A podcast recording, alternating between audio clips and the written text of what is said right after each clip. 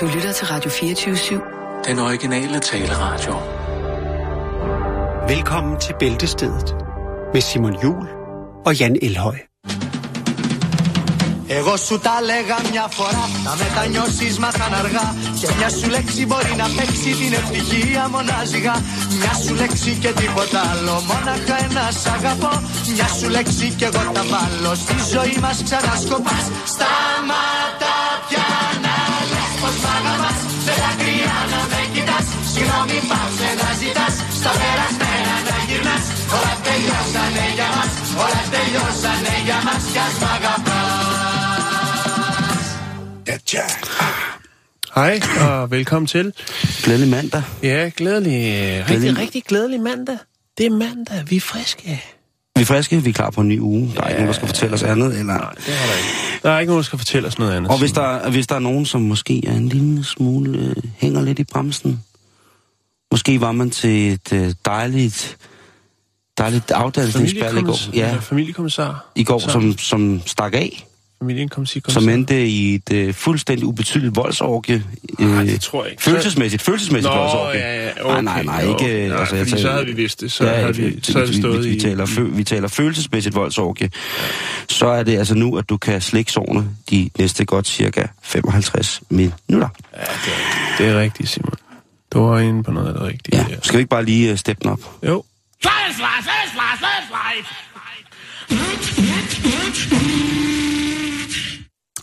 Vi skal snakke om en bog, som øh, de seneste år, synes jeg, har fået rigtig, rigtig meget omtale og har Ja, bragt... måske øh, lidt for meget endda. Måske lidt for meget og har bragt øh, hjemme-SM'en på banen. Altså, Ja, husk man... måske. Det kan også være, at, øh, at folk rent faktisk har fundet af, at øh, de kan ikke rigtig få det til at hænge sammen i det virkelige liv. Øh, Ja, den måde at behandle hinanden på. ja, også bare få tid til alt det lir. Ja, det er selvfølgelig også rigtigt. Jo. Det, man, man, der skal man skulle Der er i hvert planlægge. fald noget, der tyder på det, Simon, fordi at øh, mange af dem, som har erhvervet sig den bog, der hedder Fifty Shades of Grey, den rigtige frække og meget, meget omtalte, Jeg synes sgu ikke, den er så fræk, og jeg har altså læst den. Den, Ja. af dem. den første har jeg læst. Øh, Jeg har ikke læst den, Nej. men øh, jeg, jeg synes, den lyder meget, meget fræk, fordi der er rigtig, har været rigtig meget snak om, hvor fræk den var. Og så tænkte jeg, så er den vel fræk. Og så må man jo bare sige, den er fræk. Men hvad er fræk, Simon? Det er ligesom med kunst, alt er relativt. Selvfølgelig. Du har ret ja. igen. Men nu du ja, jeg ved godt, jeg ved godt. Nu bringer jeg det på. Læn dig tilbage og lyt til min lille historie om bogen Fifty Shades. Vi skal til Swansea, det er i Wales, og øh, her der er der en britisk velgørenhedsorganisation, der hedder Oxfarms, som har sådan en øh, genbrugsboghandel. De modtager altså langt flere 50 Shades of Grey, end hvad de rent faktisk kan videresælge. De har Nå. faktisk øh, bygget øh, en hel mur af 50 Shades. De kan ikke komme af med dem, Simon, men de, de, får, de vælter ind ad døren. Hvad skal, altså, hvorfor får de dem? Fordi at øh, folk tænker, nu har jeg læst den, og det fungerer ikke for mig, eller nu kan jeg den uden ad, og udlever alle mine øh, Det er nødhjælp til folk i Syrien. fantasier. Så derfor så vil jeg skille mig af med den. Det kan også være, at nogen tænker, ej, den er simpelthen for fræk at stående, eller ja, jeg er jo bare endnu en, der har købt den. I hvert fald er der mange, der godt vil af med den, og indleverer den til Oxfarms genbrugsboghandel. Øh, boghandel det har simpelthen gjort, at jamen, de, de, de vil ikke have flere, Simon. Så derfor så har de øh, på deres Twitter og deres Facebook, ja, de er nemlig også på de sociale medier, der har Oxfarms butik i Castle Street i Swansea altså lavet en opdatering, hvor de skriver, øh, I behøves ikke at donere flere 50 Shades of Grey, øh, lige så vinylplader fra 60'erne og 70'erne. De der vinylplader, dem vil jeg da gerne have. Oh, ja, yeah, men det kan man så, de, har nok, Simon. De har nok det, det gider men, men fif, altså, de har fået så mange 50 Shades of Grey, at de har bygget en væg, siger du. Hvordan mener du? I, jamen, det er en væg. De, jeg går ud fra, at den måske er nede i kælderen. De har i hvert fald stablet dem op her, kan du se. Der Det er en hule. Det er nærmest en hule, ja. Der er en, der har, har bygget den op af sit skrivebord, sådan så her. Det kan være en, der ønsker at være i fred og sidde derinde og fordybe sig i den. Men det viser lidt opfang. Jeg skal nok lægge billedet op øh, på vores øh, Facebook-side. Men hvor er jeg dog glad for, at folk ligesom lader den blive genbrugt.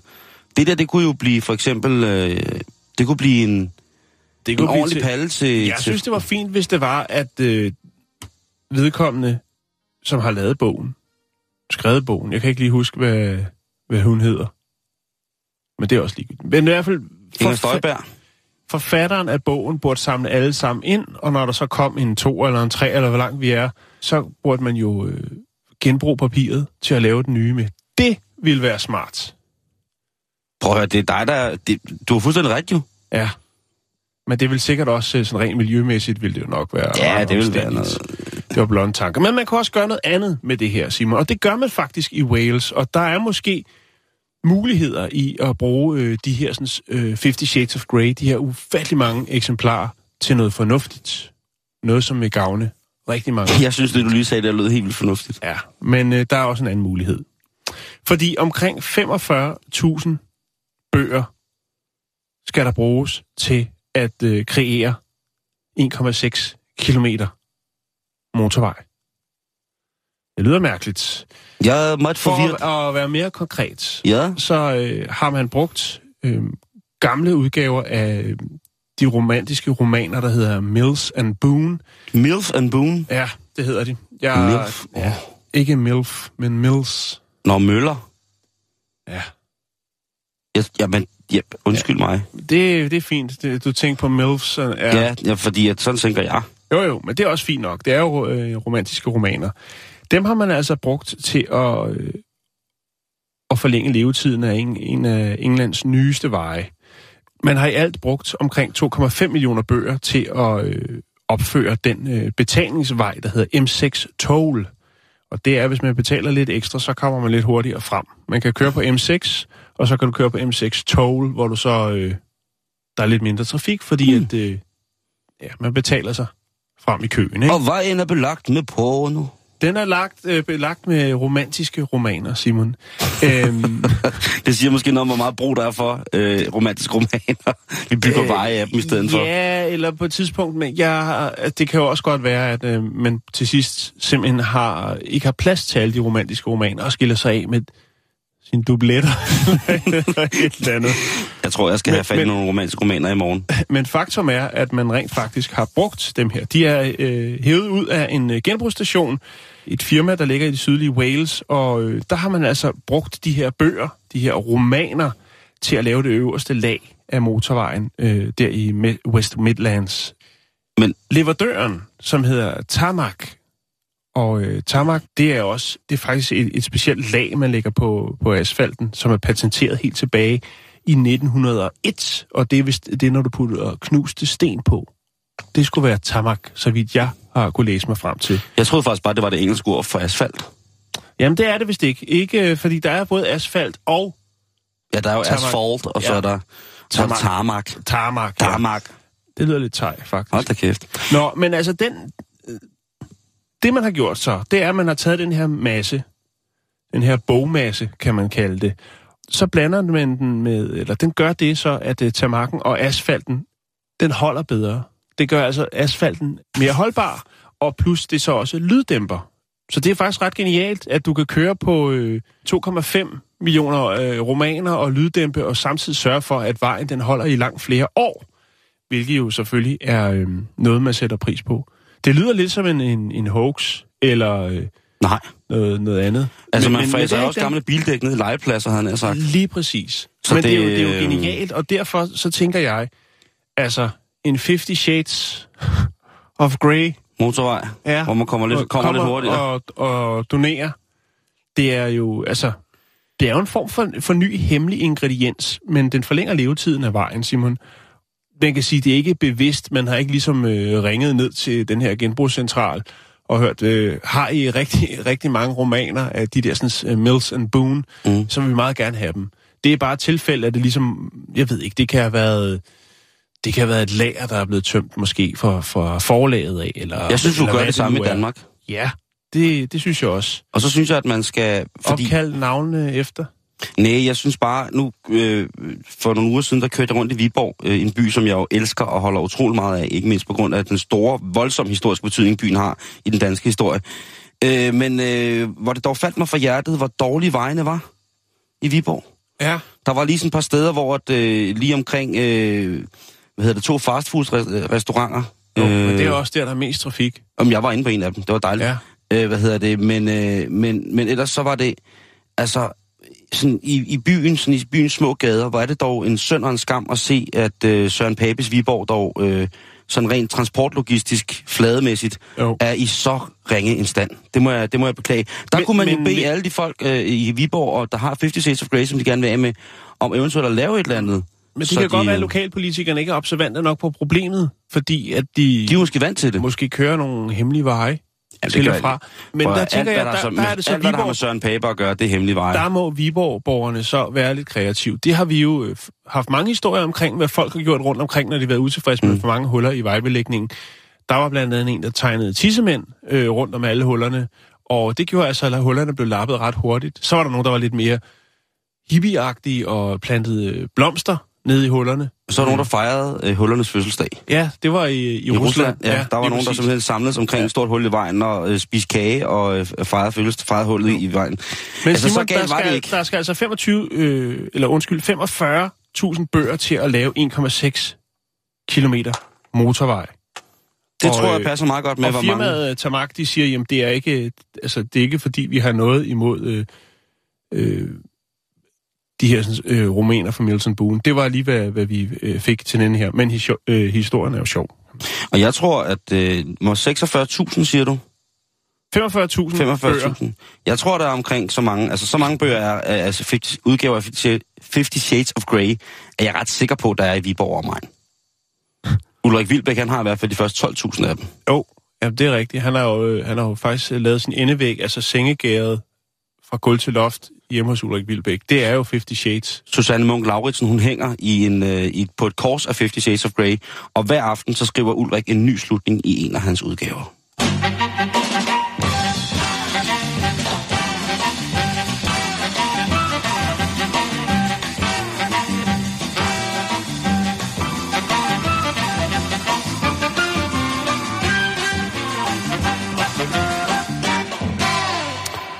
Man skal huske at dø ordentligt, når man gør det. Jo. Det er en god idé. Men de fleste gør det jo kun én gang. Jo, jo, jo, jo. Og, og så, så, er det, så kan man lige så godt gøre det ordentligt. og så er der Ulrik Vilbæk. Er vi enige? 100 procent. Godt. Hvor mange gange har man ikke ønsket, at man var død i virkeligheden? Altså sådan rigtig død. For eksempel, Det- jeg tænker her mandag morgen, da alarmen vækkede mig i morges, og jeg var midt i drømmen om, at jeg var tronarving til en hel galakse med en flåde af Quinjets og tusindårsfalke. Ja. Og så vågner jeg igen ved, at overboen han øh, øver super hurtig fusionsjazz på sit tredje år. Og så kommer jeg ned til min cykel, som så er blevet kørt skæv af skraldebilen, som godt nok har sat en seddel på styret, hvor der står, øh, hvem det sikkert er.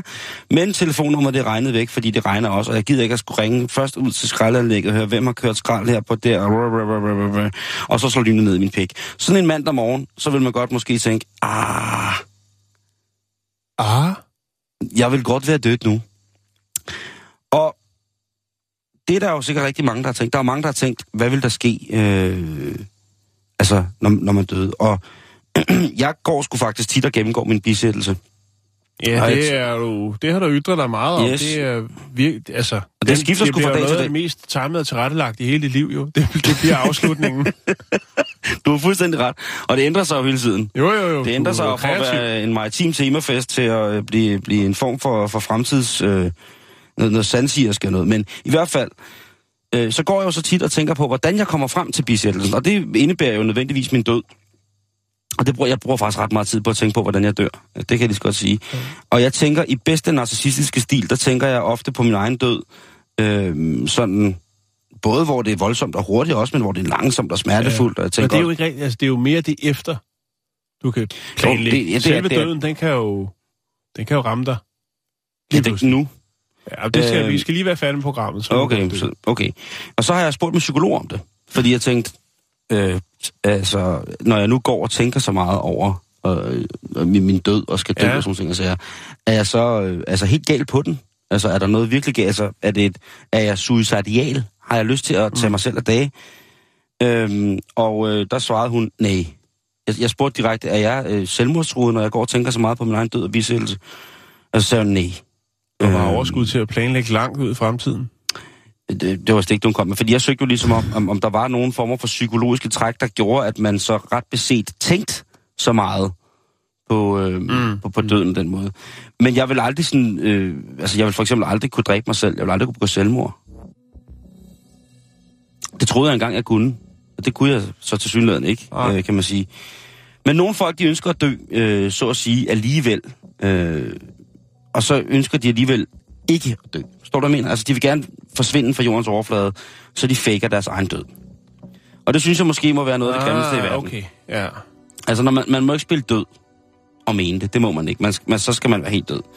Altså, hvis du er i krig, og alle på dit hold er blevet slagtet, og du ligger under dynger af dine døde venner og veninder, og de rasende zombier, de raser hen over dyngerne, så er det okay at spille død en lille smule.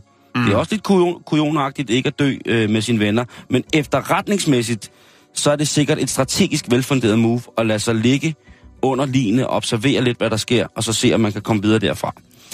Men nu skal vi øh, snakke om nogle folk, som rent faktisk har, øh, har fækket deres død, hvor det er gået forfærdeligt galt. Jeg tør slet ikke at tænke på, hvor mange gange, hvor det er gået godt et eller andet sted. Der er folk, som har ønsket og, og troet, og det, det, det virker på mig, som om det er lidt dumt. Vi starter med historien om Edward Cates.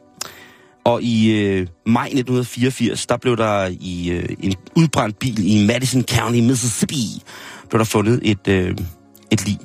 Og politiet de fandt så ud af, at øh, den, øh, den udbrændte bil tilhørte den 55-årige øh, advokat, Edward Cates, mm-hmm. som boede i Mississippi.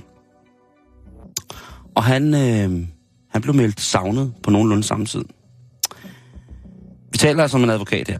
Så er vi altså ude i, at der må på et eller andet grundlag være belæg for at tænke, at han har nogenlunde anstændig fornuft. Mm-hmm. Altså.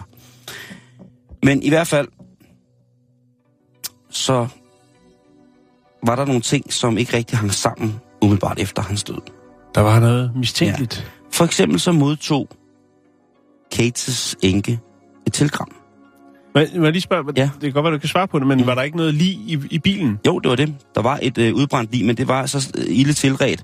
Og eftersom man fandt både en pung og bilens... Øh, Ja, okay, så, så tænkte man, den er god hvad, nok, det er det, ham. det er sgu ham. han er- øh, han er meldt savnet, Okay, og godt. Men på et tidspunkt, umiddelbart efter hans død, så modtager hans enke altså et telegram, øh, som var underskrevet Christopher E. Kurtz, Major General Retired. Og det her telegram, det indeholdt selvfølgelig nogle kondolencer i forhold til, at hun havde mistet sin mand. Øhm, og lige pludselig så begynder der fra samme mail, øh, eller fra samme øh, pres, eller fra postnummer, at dukke ting op, såsom rigtig mange penge på øh, hende her, enkens konto. Og øh, det synes politiet er lidt mærkeligt. Og hvorfor holder de så øje med det? Det holder de simpelthen ikke øje med, men det, det er ren tilfældighed, at de finder ud af, at politiet er hjemme, og ligesom snakker med her konen, og konen fortæller sgu så selv, ja. øh, at hun har modtaget det her. Så, øh, så hun ved ikke øh, noget. Hun er ikke medsammensvorende. Det er det, man tror Okay. til at starte med. Så er det fandme dumt, hun fortæller det. Ja, fordi at det er jo Jeg sådan, forstår at... ikke, der er kommet øh, 200 200.000 ind på mit konto. Det, jeg ved ikke rigtigt, det er sjovt. Fordi, Og så snakker hun ikke, vel? det tror jeg faktisk, Tror det? øh, både hende og politimanden snakkede sådan der. De har en stemmer. Lige præcis. Nå, det lyder da mistænkeligt. Ja, jeg ved ikke, hvad det er. Jeg har ikke noget med det at gøre.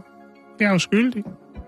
Og så finder politiet jo ud af, at ham her, den snedige advokat, han har for, lavet en lille tegnet livsforsikring på sig selv på 400.000, umiddelbart efter. Øh, umiddelbart inden, at han, øh, Ja, selvfølgelig. han vælger at forsvinde, Hvis ikke? det var efter, så var det Ja, godt det er selvfølgelig.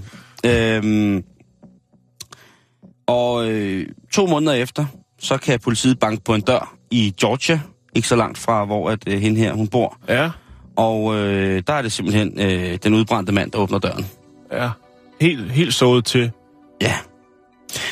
Og hvem var det så, der var i bilen? Det er jo det store spørgsmål. Lige præcis. Og det er her, hvor det begynder at blive lidt, øh, lidt mærkeligt. Fordi at øh, den her person i bilen er aldrig blevet identificeret på grund af de mange skader, der var ved, ved livet. Det tænker jeg, det er måske lidt... Øh, I hvert fald, Så det har man aldrig fundet ud af. det har man aldrig fundet ud af. Men øh, Kate, den, øh, den døde advokat, han, øh, han erklærer sig skyldig, og han øh, afsoner nu 20 år i fængsel. Og hans kone, som jo altså også øh, gik, indgik i, i det her, hun slap. Ja. Selvom øh, advokaten har siddet og sagt, at øh, prøv at høre, han, øh, han var altså, hun var altså med i det. Mm. Men øh, det nægter hun, så de snakker nok egentlig ikke så skide meget Der er sammen. ikke så meget besøg der. En anden en, som øh, jeg lige vil hive fat i, det er øh, hi- historien om Clay Daniels fra Georgetown, Texas. Vi er altså sydpå i de sjoveste af de her udgaver i USA. Jeg tør ved med om et par år, så har vi nogen fra Florida, som kommer til at brage det her fuldstændig ned. Clayton Daniels, hans forkullede rester blev fundet i en udbrændt bil i, øh, i juni 2004. Mhm. Han var en 24-årig arbejdsløs, lad os bare kalde det sexforbryder. Han var ikke en vældig mand i samfundet. Han var skidt kæl. Ja, det var han sgu. Havde fået en dom, en betinget dom på, øh, eller han havde fået en dom på 10 år. Han var dog alligevel gift med en dejlig kone, som hed Molly Daniels. Da hun får at vide, at hendes elskede mand er død, så går hun jo selvfølgelig helt ned med fladet, men hun modtager jo så også 110.000 dollars i forsikring for ja. den døde mand. Så ked af det er hun heller ikke. Nej. I virkeligheden, så øh, bilen her, som han bliver fundet udbrændt, den var for enden af en klippe, så han skulle efter sine være kørt ud over klippen, og øh, derefter skulle bilen være sprunget i luften, og så skulle han så ligesom være brændt ud. Og øh, han blev øh, genkendt via øh, hans sko og en halsterklæde, og en, øh, en sådan lille pin, han havde i sin hat. Mm. Politiet de lægger dog ret hurtigt mærke til, at der er nogle ret mystiske omstændigheder omkring det her dødsfald. Blandt andet så er der ikke nogen former for markeringer af, at julen, øh, bilens hjul har været øh, blokeret i et forsøg på eventuelt at stanse den her kørsel ud over klippen. Nej. Derudover, så da de går igennem, øh, gennemgår bilen, eller resterne af bilen, så kunne de se, at øh, ilden, øh, bålet, om man så må sige, var startet på forsæderne, og at den så ligesom var eksploderet ud i bilen Ja. ved hjælp af noget så fint som, øh, hvad hedder det, De går i dybden. lighter-benzin. Det må man anerkende Lige dem for. præcis. Og, og så går det jo helt galt, da de øh, tester DNA'et fra det forkullede lig, de finder i bilen. Fordi det er altså ikke Clayton. Claytons DNA, det er rimelig godt stadsfæstet i det amerikanske kriminalarkiv. De begynder jo at kigge efter hans dame. Og tænke, er der noget, er der noget uldent i busken her? Ja. På et tidspunkt, så øh, kan politiet så se, at øh, hun skal mødes med sin nye kæreste Jake på Taco Bell. Det skal jo være romantisk og meksikansk på Jo, samme tid. jo, og jo, jo. Hvor finder man både øh, romantik og sombrero? Det gør man selvfølgelig på Taco Bell. Politiet lægger så mærke til, at hendes nye kæreste, han ligner sgu ret meget øh, Clayton. Ja. Og det er der jo ikke noget at sige til. Der er jo mange, øh, der har sådan samme type agtige ting, når de skal ud og finde noget at hugge i, ikke? Så de hiver fat i øh, Jake, som har et øh, Texas øh, ID-kort. De tror ikke rigtigt på, at han er ham, han siger, han er. Så de hiver ham med på stationen. Og øh, ja, der knækker han jo og fortæller, at øh, han faktisk har boet i øh, et skab hos sin svigerinde, siden at han forsvandt. Senere kom han ud og tænkte, der er ingen, der kan kende mig, hvis jeg farver mit hår. Nej, det er rigtigt. Øh, så det har han gjort. Øh, Er du ikke... Øh... Nej, det er Nej, ikke mig. Det kan det- godt være, jeg har hørt det før. Det var sjovt, du siger det, men det, Ja. det er altså ikke mig. Det er det ikke. men der, hvor det så bliver rigtig, rigtig dumt, Den er faktisk brugt på gange. der, hvor den bliver rigtig dumt, ikke? Ja. det er, da, han, øh, da de så finder ud af, hvem den gamle, eller hvem der, der sidder i bilen og er brændt ud. Ja. Og det er en 81-årig gammel dame, som øh, Clayton har været ude at grave op på kirkegården. Ej. Jo, han har skulle lige været ude at grave mormor op, og så han sat hende ind i bilen og sat ild til hende med en lightervæske og skubbet hende over en skrant, og så han ellers gemt sig i svigerindens klædeskab i, øh, i tre uger, indtil han selv farver sit hår og går på taco med sin gamle kæreste. Ja. Der er vil jeg flot. sige, det er er æder, æder rødme ikke. Så er det sgu ikke der, hvor, at, øh, hvad kan man sige, er det der, man siger, studenter hun trykker? Det kan man godt. Det er der mange steder, den ikke gør. Både Molly, hans kone, og ham selv, de øh, er kendt sig uskyldige. Mm. For det første er kendt de sig uskyldige i, at de har prøvet at fake en død, hvilket jo ikke så godt. Og derudover så havde de jo så også haft usømmelig omgang med lige. Og når man er i down south, Texas, Mississippi, så, øhm, så tæller det der med at forstyrre gravfreden og den kristne ro orden. Det tæller altså ret, ret voldsomt i forhold til strafudmåling. Så derfor så er Clayton, han sidder nu i spillet øh, i 30 år, uden mulighed for prøveløsladelse, og øh, hans skøre, øh, crazy bitch-ass kone, hun sidder så 20, fordi det ikke helt var hende, der gravede livet op. Så der er kun en ting at sige, det er, at hvis man skal fake sin død igen, så vil det godt bare dø ordentligt.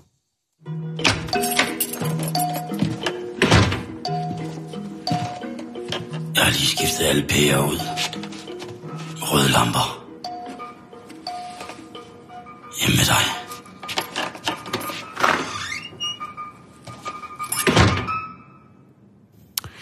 Så skal vi til Australien. Vi skal snakke om den 42-årige Amina Hart. Hun gik igennem det, der hedder IVF, for at få øh, en, en anonym donor, fordi hun øh, godt ville have et nyt. Hun ville godt have et barn. Hun havde øh, mistet to sønner, øh, Marlon og Louis. Øh, Ej. de havde begge to øh, en genetisk lidelse, og det var jo ret tragisk. Den ene døde, øh, da han var 14 uger, og den anden, da han var 14 måneder. Det er det mest forfærdelige i verden. Det er det mest forfærdelige, men. Ja. hun gav ikke op. Og tænkte, Sådan. nu øh, skal jeg have mig et barn. Og den her gang, der skal det gå godt. Så hun kunne henvende sig til IVF for at få noget donorsæd. Nu skulle han en låneklat. Amina, hun er selv vokset op uden en far, øh, og hun fødte den 14. august 2012 en fin lille pige, der hedder Leila. Efter at have gået og tænkt lidt over det i hendes egen opvækst, netop det ikke at have nogen far, så besluttede hun sig altså for at øh, se, om hun kunne opspore den her anonyme donor. Sådan, så hvis han ønskede det, så øh, kunne den genetiske far jo have, hvad skal man sige, kontakt til sin datter, hvis han ønskede det. Se, hvad han har delt ud. Ja. Så, jeg synes, jeg egentlig er øh, fair nok. På nogle punkter. Hun øh, gik til øh, fertilitetsklinikken og øh, ligesom forelagde dem hendes, øh, hendes tanker omkring det, og øh, de kontaktede så den anonyme donor. Et år efter, at Leila blev født, der mødtes donoren og så Amina. Det var jo ret mærkeligt, fordi de havde jo noget sammen, nemlig et barn, men øh, de kendte jo ikke hinanden. Men, Simon, december 2015, der står de over for hinanden i kirken og øh, udveksler løfter i så Nej! Jo. Amors pile ramte dem hårdt. De blev simpelthen så forelskede hinanden, og nu stiftede de familie sammen. Det er åbenbart sådan, man skal score damer. Man skal ned og, man skal ned og blive en del af, af låneklatporteføljet, og så skal man bare hugge op. Og så... Det er min barn. Jeg, jeg tror, Det er min barn. jeg tror Det er min barn. det er jo, der findes sikkert mange historier, hvor det er ganske forfærdeligt og irriterende. Ja. og alt muligt andet. Men det her, det er en smuk, smuk kærlighedshistorie, og faktisk så har mine Hart øh, gået i gang med at skrive en øh, fin lille bog om øh, familiens historie med titlen How I Met Your Father. Og udover det, så øh, bliver der også pynset lidt på at lave en fin lille kærlighedsfilm. Jeg skulle, lige, jeg skulle lige til at sige, Det kunne sikkert også godt blive til en, øh, en fin udgave af et øh, romantisk, en romantisk roman fra øh, Boone, eller Miles Boone. ja, det, du smider Mills. gode idéer på, øh, på gaden. Jeg kommer til at tænke på ham, vi havde en historie om for øh, nogle måneder siden, som altså havde registreret, øh, var det lige omkring 600 øh, donorbørn, som han havde Ja. været far til. Det, kan man, det, det ville være dumt, hvis han Hvis begyndte de på alle det. sammen øh, tænker, Blev forelsket. ja, jeg tænker, ej, det er da godt nok et smukt barn, jeg har fået ud af det her. Jeg må simpelthen finde den biologiske far. Mm. Så kunne han godt få pres ved dørklokken, hvis... Øh, jeg har læst forskellige historier, som er det der Ja. med, jeg fandt min donormor, eller hvad det nu var. Jeg fandt min donormor. Nej, jeg fandt min... jeg det er okay, det er mandag, det er mandag, Det er mandag, Jeg præcis. skal også lige i gang. Jeg var så oplagt, men jeg kan at, godt... øh, jeg, det- jeg fandt manden, der var hvad hedder det, don, sæddonor til mit barn, og nu er vi forelskede. Jeg har hørt om det en eller to gange, men derfra så til, at de bliver gift, og ligesom fører videre, det synes jeg altså er smukt. Også fordi hun jo så, som sagt, har været noget tragisk igennem med en anden mand. Ja. Eller det ved jeg ikke, var det også øh, de der to, der døde, var det også med, var det med en ægte mine, eller var det med låne, Det låneklat? melder historien Nej. ikke noget om. Okay. Det, det gør den ikke. Det er også fuldstændig uvedkommende. Hun har været ude for noget tragisk. Ja. Og, øh, og nu har hun så fundet lykken, og det er sådan set det eneste, der er at sige, Anna. Det er jo øh, det er vigtigere end vigtigt. Prøv at høre her. Jeg har, jeg har lige øh, gået ind på millsandboone.co.uk. Og det er altså Englands største, øh, hvad skal man sige, forlag, når det kommer til erotiske, eller undskyld, romantiske. ja, der gik lige lidt 50 Shades i det. Lidt øh, romantiske øh, romaner. De kan altså noget. Nu kan du lige få et par titler her, Simon, så kan det være, at øh, du tænker, jo tak, jeg skal ind og købe. Der er blandt andet øh, The Sicilian's Stolen Son, så er der The Widow and the Sheik, eller Sheik, må det være. Ja, ja, The Widow and Ja. Sheik. Enken og Sheik. Ja, og så er der Take Me Cowboy. så er der Seduced by the Heart Surgeon. Oh. Ja, det er hjertekirurgen, der... Sindssygt, det er Ja. en stak bøger, der ligger og Så er der. The Billionaire's Baby Swap. Og det er jo også, der er drama. Og så er der Trouble with a Badge. Og så er der Seduced into her boss's service. Okay, vi taler sex. Øh, jeg er ikke sikker på, hvor tung øh, socialrealismen er. Jeg er sikker på, at, det, at, at Kim Leine måske vil have lidt mere i socialrealistisk øh, øje med i forhold til det her. Men ellers, Ja. Og ved du hvad, det, der er faktisk mange af dem, der ligger tæt opad, som sagtens kunne øh, blive til en, øh, en romantisk øh, hvad var det, du sagde, øh, hvad var det, du her. sagde, den hed, den der med cowboy? Den hed Thank You Cowboy? Øh, nu skal de have Eller er det, mig, er det mit hoved, der nu er inde i... Øh, take me, cowboy.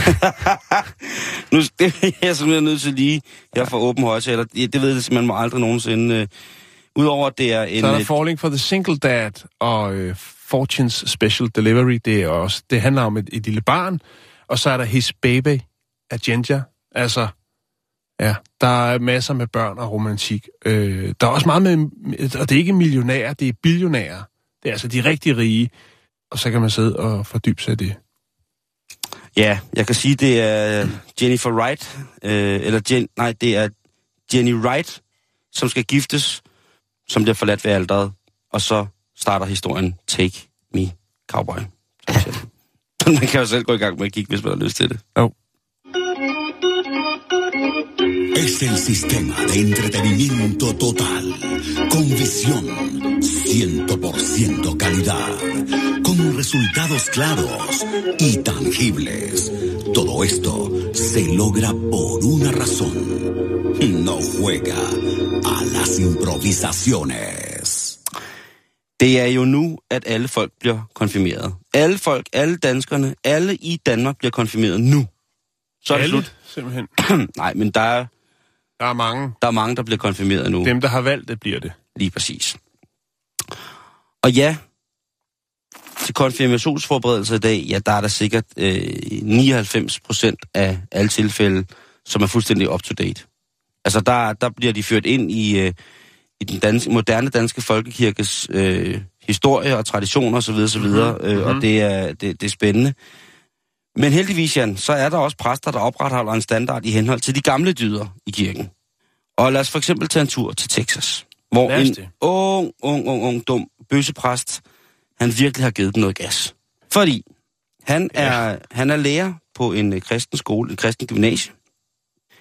Homoseksuel så... også. Ja, det, det var der jo ikke rigtig nogen, der vidste, men han, Nå, er, så okay. også, han er så også leder for ungdomskirken. Det var bare dit ordvalg, der lige øh, gjorde mig lidt forvirret. Ja, Undskyld. Bring, jeg bring det på. Jeg bringer det på. Bring det på. Han er altså øhm, han er også leder for, for gymnasiets sådan mere kirkelige del, hvor at unge mænd kommer hen, og ja, så kan de jo få forkyndt Guds ord, de kan gå i dybden med de tunge skrifter osv. osv. Mm-hmm. Han hedder Jared Anderson, og han er 28 år gammel, så det er jo klart, at han sådan en ung, frisk præst af mine, han vil være øh, guf for drengene i forhold til at være... Altså, han var meget, meget vældig, ikke? Jo. Altså, han var på rigtig, rigtig mange måder, var han jo sådan en mand, som, du ved, blev elevernes body. Han blev ven med dem. Ja. Han var good to man. Ja, det gør så, at jo, når børnene kommer hjem og fortæller om den her fantastiske lærer, der er på skolen, at så får forældrene selvfølgelig også tillid til ham.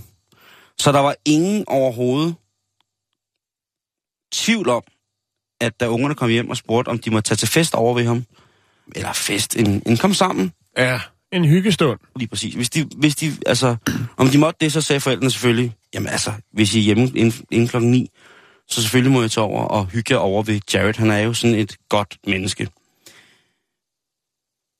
Og det var Jared måske også inde i sit eget hoved. Men gerningsmæssigt, så er tvivler jeg på, at, altså, at han har jo troet på Gud. En kristen Gud, katolsk Gud. Og jeg tør næsten godt ved med, at hvis han har været øh, en gudsfrygtig mand, så øh, har han godt vidst, at det, han havde gang i, måske var en lille smule til den forkerte side. Fordi det viser sig, at de her aften kom sammen og over ved Jared ikke på nogen måde havde noget med bare at forkynde Guds ord. Oh, Forstå Guds ord. Ja.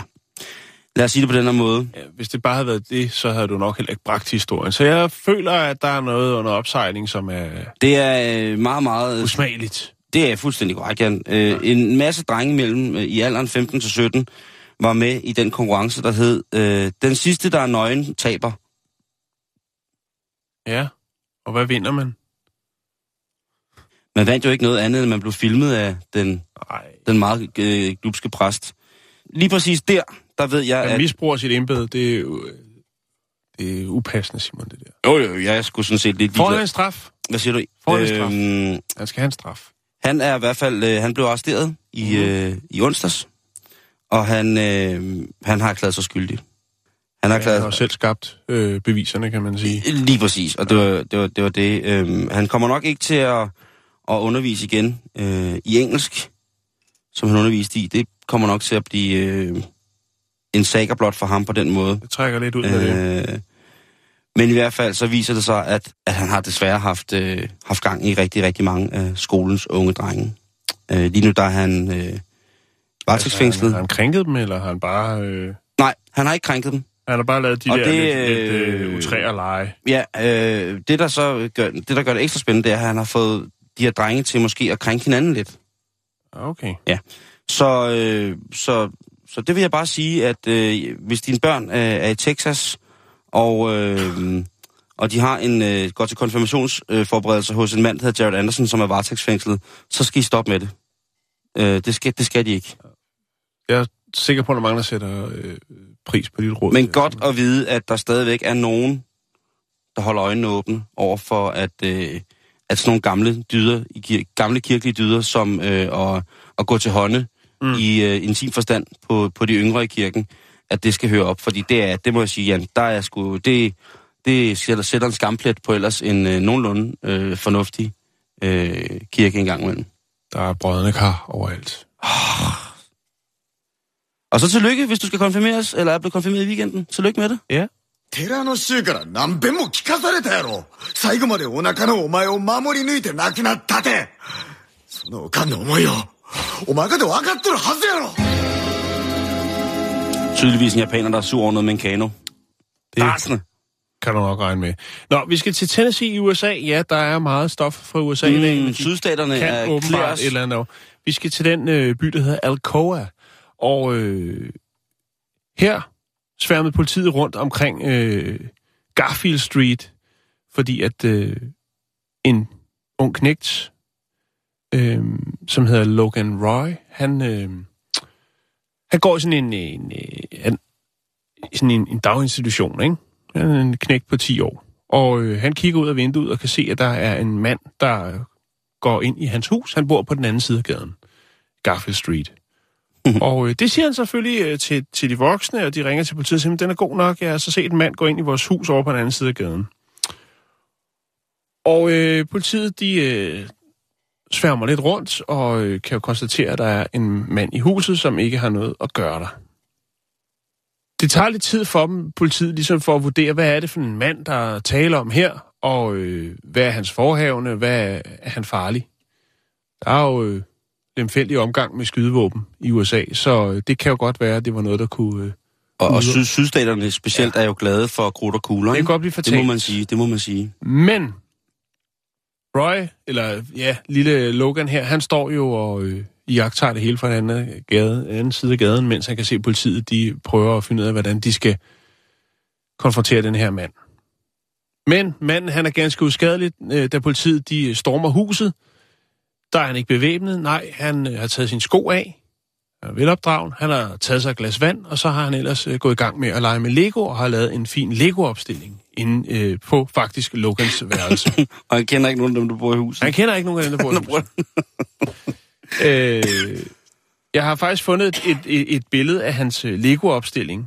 Må jeg se? Øh, ja, det må du godt. Og øh, så det kan jeg lægge op på Facebook, så kan man jo selv prøve at se, om man kan analysere sig frem til, hvad det skal forestille. Der, der er sådan lidt retssal over det. Og der er en, en hemmelig lem i gulvet over i højre side, og så er der en plante. Og Batman. Og Batman er der også. Wow. Wow. Øh, og det, øh, det er jo så det, han har foretaget sig. Han har også, øh, altså det er jo på sådan en stor grøn Lego-plade, han har sat op. Og så har han selvfølgelig også lige sørget for at lægge et tæppe ned under, sådan, så det ikke glider rundt, når man øh, sætter det op. Det, Med andre ord, han er, han er professionel til at lege, lege, med Lego. Ja. Han ved godt, hvad der, hvad der skal til. Der var selvfølgelig tale om en øh, psykisk ustabil mand. Og det er det jo oftest. Vi har jo haft folk, der har været inde og lave mad og jamen, alt muligt mærkeligt. Og falde i søvn også. Men, ja, men nu har vi så en, gå på der, der, der laver Lego. Det var selvfølgelig en psykisk ustabil mand, også i det her tilfælde, som øh, var gået hjemmefra, øh, fordi at hans, øh, han ikke ville tage sin medicin. Efterfølgende så blev han så bragt til Blount Memorial Hospital, hvor han så øh, ligesom, Fik lov til at få en udredning over, der der fik han lige, ja. Men var det dog... Øh, jeg, men men øh, Logan, han øh, kom jo over i, på sit værelse senere hen og kunne se den her Lego-opstilling, og synes egentlig, at det hele var lidt sjovt og lidt mærkeligt. Han havde jo ikke gjort noget. Nå. Der var ikke et, at han kunne have lavet mange grimme ting Ja. inde i deres hus, og det har vi haft mange historier om. Men han havde altså bare siddet lidt og leget med Lego. ja. Og, og så på en eller anden måde, så er det, at han bare sætter sig ind og leger med Lego, det er også det mest scary shit i hele verden. jo, fuldstændig, og der er ikke, der er ikke langt mellem de to ting. Øh, lidt Nej. ligesom med klovne, ikke Simon? Ja, lige præcis. Det, Det kan være virkelig underholdende, og så kan de også være virkelig der, er, skræmmende. det, der er ikke engang tale om en hårfin grænse, fordi der er ikke nogen grænse. Lige pludselig er den bare overskrevet, og så er du færdig. ja, øhm, hvad hedder det? Jeg synes jo, at øhm, altså Lego, de har jo gjort så meget for ligesom at, at komme med i, i, i... Altså ikke komme med, de har jo altid været der, men øh, i vælten, sådan rent øh, socialt, modemæssigt. De har jo lavet hipster-Lego, og de har hipster-dukker med fuldskæg, og øh, de har lavet så utrolig mange ting, hvor det ligesom Ja, er... og, og masser af sådan nogle... Øh, altså, de har udviklet alle deres ting fra de her, sådan, hvor man havde noget med nogle Lego-motorer til noget, der nu er... Altså, hvor der virkelig kan komme øh, spark i, i kreativiteten. Jamen, Det de, har er- lavet, de har lavet alt, jo. Det, de, det er bomben. Ja. Det, det må man sige. Men øh, at bryde ind, og så lige gøre det der, ja, den er sgu sådan lidt... Nu skal vi snakke om at æde sig selv, Jan. ja, Og vi taler ikke om i sådan overført er en betydning. ny restaurant. Øh, det er Nomas nye. De åbner i, øh, i Krakow. Nej, øhm, vi skal snakke om en, øh, en gut, som hedder Greg Foot. Og han er sådan lidt en speciel type. Han har noget, der hedder BritLab øh, på, øh, på, hvad hedder det, øh, på YouTube, Ja. som er ret sjovt at følge med i, og han er ikke bange for det. Og han blev for, på, på et tidspunkt spurgt om, øh, hvis man laver det, der hedder hashtag AskGreg, A-S-K-G-R-E-G, så kan man så, ligesom på de sociale medier, få hans opmærksomhed. Mm. Og en af dem, der havde hashtagget AskGreg, det var, hvorfor han ikke, dog ikke prøvede, at, eller hvordan menneskekød smager, når det er tilberedt. Ja. Og det er jo tydeligvis, at En af livets store spørgsmål. meget forstyrret menneske, som skriver lige præcis en besked, fordi at øh, vedkommende jo øh, angiver, hvilken form for tilberedning, der skal til. Altså, at kødet skal være tilberedt, ikke, ikke bare råt. Nej. Ellers så er det en bekymret mor, som har tænkt på at æde lidt af sig selv. Øhm, og der tænker man, sker det, sker det ikke. Men det sker altså, fordi Greg Foot, han er fucking ligeglad. Så han, øh, jeg vil lægge YouTube-klippet op her, og det er altså ikke for svage sjæle, vil jeg godt lige have lov til at sige. Øh, Øh, Han spiser sig selv. Øhm, han kommer ind på et øh, på en øh, operationsstue, hvor der står en kirurg, og øh, kirurgen han fjerner så noget kød fra Gregs egen ben. Og øh, derefter så tager Greg sig hjem og laver lidt mad. Så han hjem Øh, og marinerer. Der tager han hjem og laver lidt mad, hvor at øh, han så bruger sit eget kød. Og øh, ja, man ser ham altså tilberede det, og det, det der vendte det sig i mig. Der tænkte jeg, at uha, det var ikke særlig rart det der. Men han, øh, han står og steger kødet, og han sammenligner øh, stegeduften øh, af menneskekød med en maling mellem, øh, med lidt øh, som når man steger bruner kød af til en stuning, eller til sådan en, en gryderet. Ja. Det kunne være en bolo. Derefter så, øh, der smider han så det her kød ind i en, øh, en burger. Og det er jo, altså, det er jo ulovligt at spise menneskekød. Det ved langt de fleste børn over 9 år, at det, man må ikke spise sine venner på den der måde.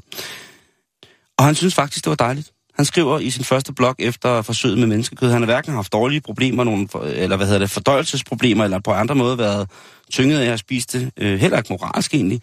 Og han siger faktisk, at han synes, hans eget kød smager rigtig, rigtig godt. Øh, det er godt.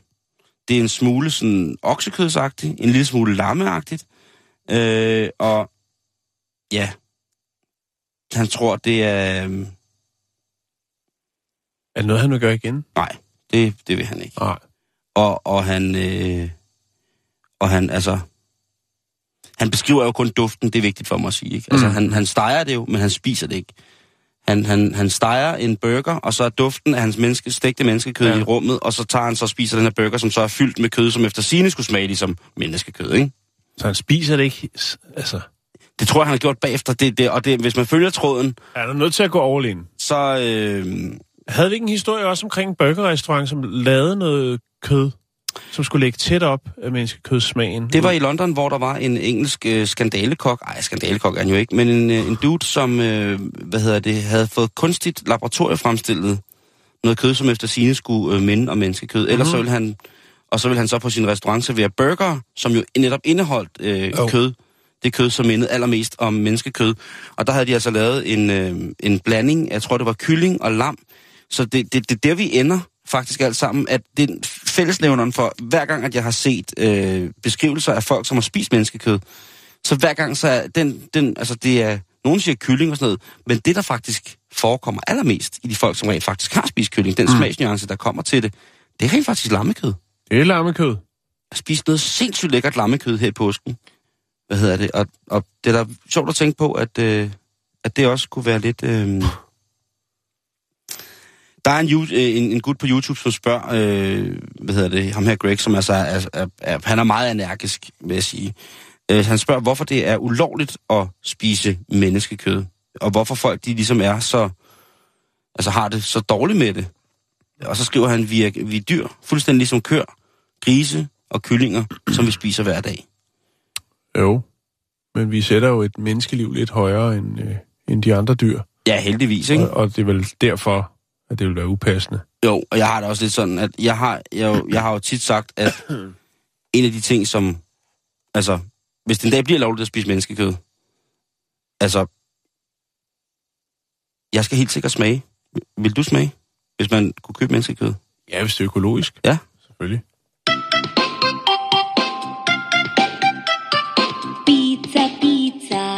It's a treat.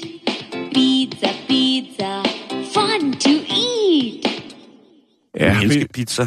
vi bliver lidt i, øh, i USA og øh, krimistoffet, Simon. Ja. Øhm, vi skal til Oregon, og vi skal snakke om øh, politistationen, der hedder West Lynn Police Department. Og de er i gang med at uddanne nogle betjente til at håndtere og observere, og øh, hvad der nu ellers skal til, når det kommer til menneskehandel. Og øh, i en del af programmet her, undervisningsprogrammet, der øh, bliver efterforskerne undervist i klassen øh, ud fra en annonce, som man har øh, smidt ud på en øh, escort hjemmeside. I klassen er der så en øh, telefon med det øh, telefonnummer, som er angivet i annoncen. Så er det jo så, at øh, potentielle kunder de øh, ringer op øh, for at forsøge at få kontakt til, i det tilfælde, den fiktive 19-årige kvinde West Lynn. Altså samme navn som politistationen. Nej. Ikke godt. Øh, så her sidder der altså et under, i et undervisningslokale nogle, øh, nogle nye politibetjente, der har øh, sk- skal vide lidt mere omkring menneskehandel og prostitution og den slags, og øh, snakker med øh, virkelige mennesker, som øh, virkelig er interesseret i at øh, have sex med en prostitueret, og øh, det kunne jo også være en, der er blevet handlet til landet. Ja. Samme problem, som vi også har øh, i København. Sikkert også andre steder i, i Danmark. Jeg har kun set de der afrikanske kvinder, der render rundt nede øh, omkring hovedbanegården om aftenen. De er ikke alle sammen handlet. Det ved jeg ikke noget om. Der, der, der bor jo også almindelige afrikanere på... Øh, Jo, jo, men de er, jeg ved ikke, hvor mange... Nå, det Vidste ved jeg ikke. Ja, ja, selvfølgelig, selvfølgelig. Det er jo heller ikke, fordi jeg siger, at alle rundt dernede er prostitueret. Der er også mange, der har vil- øh, jeg vil meget, hårsalonger. Men der meget står bare nogen ved mørkets frembrud, som er ret pågående, har jeg hørt fra øh, folk, der bor på Vesterbro. Og øh, ja, det er korrekt, det er korrekt. men det er ikke det, det handler om. Nu handler det altså om den øh, fiktive 19-årige West Lynn. Ja. Og øh, der er bid. Telefonen den kimer, og øh, Nå. på et tidspunkt så er det så René Cruz Mesa fra Woodburn i Oregon, som ringer. Og øh, han er jo på medhør, og han snakker så med en betjent, der udgiver sig for at være øh, West Lynn. Og øh, de indgår en øh, aftale, og øh, West Lynn giver så René Cruz med Mesa øh, adressen på West Lynn Police Department, altså på politistationen. Mens de holder samtalen kørende her, og han er på vej derhen for at få øh, den ydelse, som han ønsker, så spørger hun selvfølgelig, altså West Lynn, hvad for en bil han kører i, og så videre, og så videre. Han fortæller ham, han kører i, han er gartner, og han øh, kommer i sin øh, arbejdslastbil. Pick-up, måske? Og øh, det kunne det godt være, ja. Det er jo, nogle af dem er jo på størrelse med lastbiler derovre. Det er pick-up truck, de kører i. Nå, men i hvert fald, biler. så øh, møder han jo op, og øh, politiet, de kan jo så gå ud og, øh, og vente på ham. De ved jo, hvordan hans bil ser ud, og Mm. så øh, anholder de ham så ude foran politistationen. Er det tavlig lokkemad også et eller andet sted, ikke? Jo, det er det jo. Øh, helt bestemt. Men øh, det er jo også ulovligt, og det er noget, der bliver taget meget seriøst i, i, i USA. Og, noget, Og det er man noget, gør der skal en, misforstås. En stor indsats. Og Jeg har set nogle politiprogrammer med, hvor, med betjente, amerikanske betjente, hvor øh, de også øh, kører rundt, hvor der så er en kvinde, der kører rundt og agerer, eller står og agerer prostitueret, og så overvåges hun og øh, andre betjente. Og når så en potentiel øh, kunde dukker op, så bliver de anholdt. Det, det er nogle ret skrappe raids, de laver derovre. Øh. Misforstå mig ret, jeg, jeg er ikke for trafficking. Jeg mener, at alle midler, der overhovedet kan tages i brug, og sikkert mm. også midler, som ikke er lovlige at tage i brug, skal tages i brug for at stoppe det fucking lort. Mm. Altså, sådan har jeg det. Øh, så vidt jeg kan se, og så vidt som øh, Westland politi udtaler, så er det altså første gang, at en øh, klasseværelses, eller øh, en undervisningstime fører til en anholdelse. øh, Men hey, det er, det er sgu den bedste måde at lære på, Jan. jo, helt bestemt. Det må man sige. bestemt. Det er, altså, det kan godt være, det er et fejl trick, man lærer, men det er den bedste måde at lære på. Ja. Ja. Det er øh, ude i virkeligheden, du. Smag kagen. I den undervisningsteam, der kom der 38 øh, opkald på telefonen til West Lynn, og øh, 16 af disse opkald, de øh, nåede helt ud i klasseværelset, hvor alle så kunne sidde, og, eller undervisningslokale, hvor alle kunne sidde og lytte med til samtalerne. Det er voldsomt. Jeg kan, jeg kan huske en gang, hvor at, øh, ej, det var helt forfærdeligt, hvor at vi havde holdt fest ude på Nørrebro i København, hvor at øh, vi havde fundet sådan en rød pære, som vi stillede op i vinduet. Ja. Du har ingen idé om, hvor meget der blev ringet på. Det var fucking sindssygt, og det var virkelig, virkelig sjovt. Og det var jo ikke sjovt, fordi altså, vi var jo fulde og skæve og alt muligt andet. Men når der så kom nogen, der, du ved, øh, der ligesom ringede på op på dørtelefonen, ikke? Ja. Øh, for det første var der mange naboer, der blev sure, fordi folk vidste jo ikke, hvor de skulle ringe på. Nej. Så de, øh, de ringede bare sådan, og så, øh, jeg kan huske, Geo, der boede der, han var sådan meget... han, øh, en af hans veninder tog telefonen og var sådan, hej, kom indenfor, eller de sagde jo engang, kom indenfor, og de var sådan, hvad vil du? Hvad vil du have? Altså, det, det, det var meget, meget pinligt, men det siger også bare noget om, at, at altså, jeg tror ikke, der var én kvindelig gæst, der ringede på. Jeg tror, det var, altså, så vidt jeg kan huske, og vi havde jo en kæmpe fest og ud af det, og det var meget, meget, meget. Det må man selvfølgelig ikke på den måde, og der, man skal ikke spøge og skæmme det, men det skal man lidt alligevel nogle gange. Jan, vi når ikke mere i dag. Nej, det gør vi ikke. Øh, til gengæld er vi tilbage igen i morgen, og der kan ja. jeg da mærke på det hele, at øh, tirsdagen i denne uge, den skal blive i stilesød øh, lummer på en helt ny og spændende måde. Jeg frygter det allerede. Ja, det ved jeg godt, du gør. Tak for Men jeg det. ser også frem til i morgen. Facebook.com, bæltested, der er vi. Lige om lidt, så er der det skønneste, skønneste nyhed.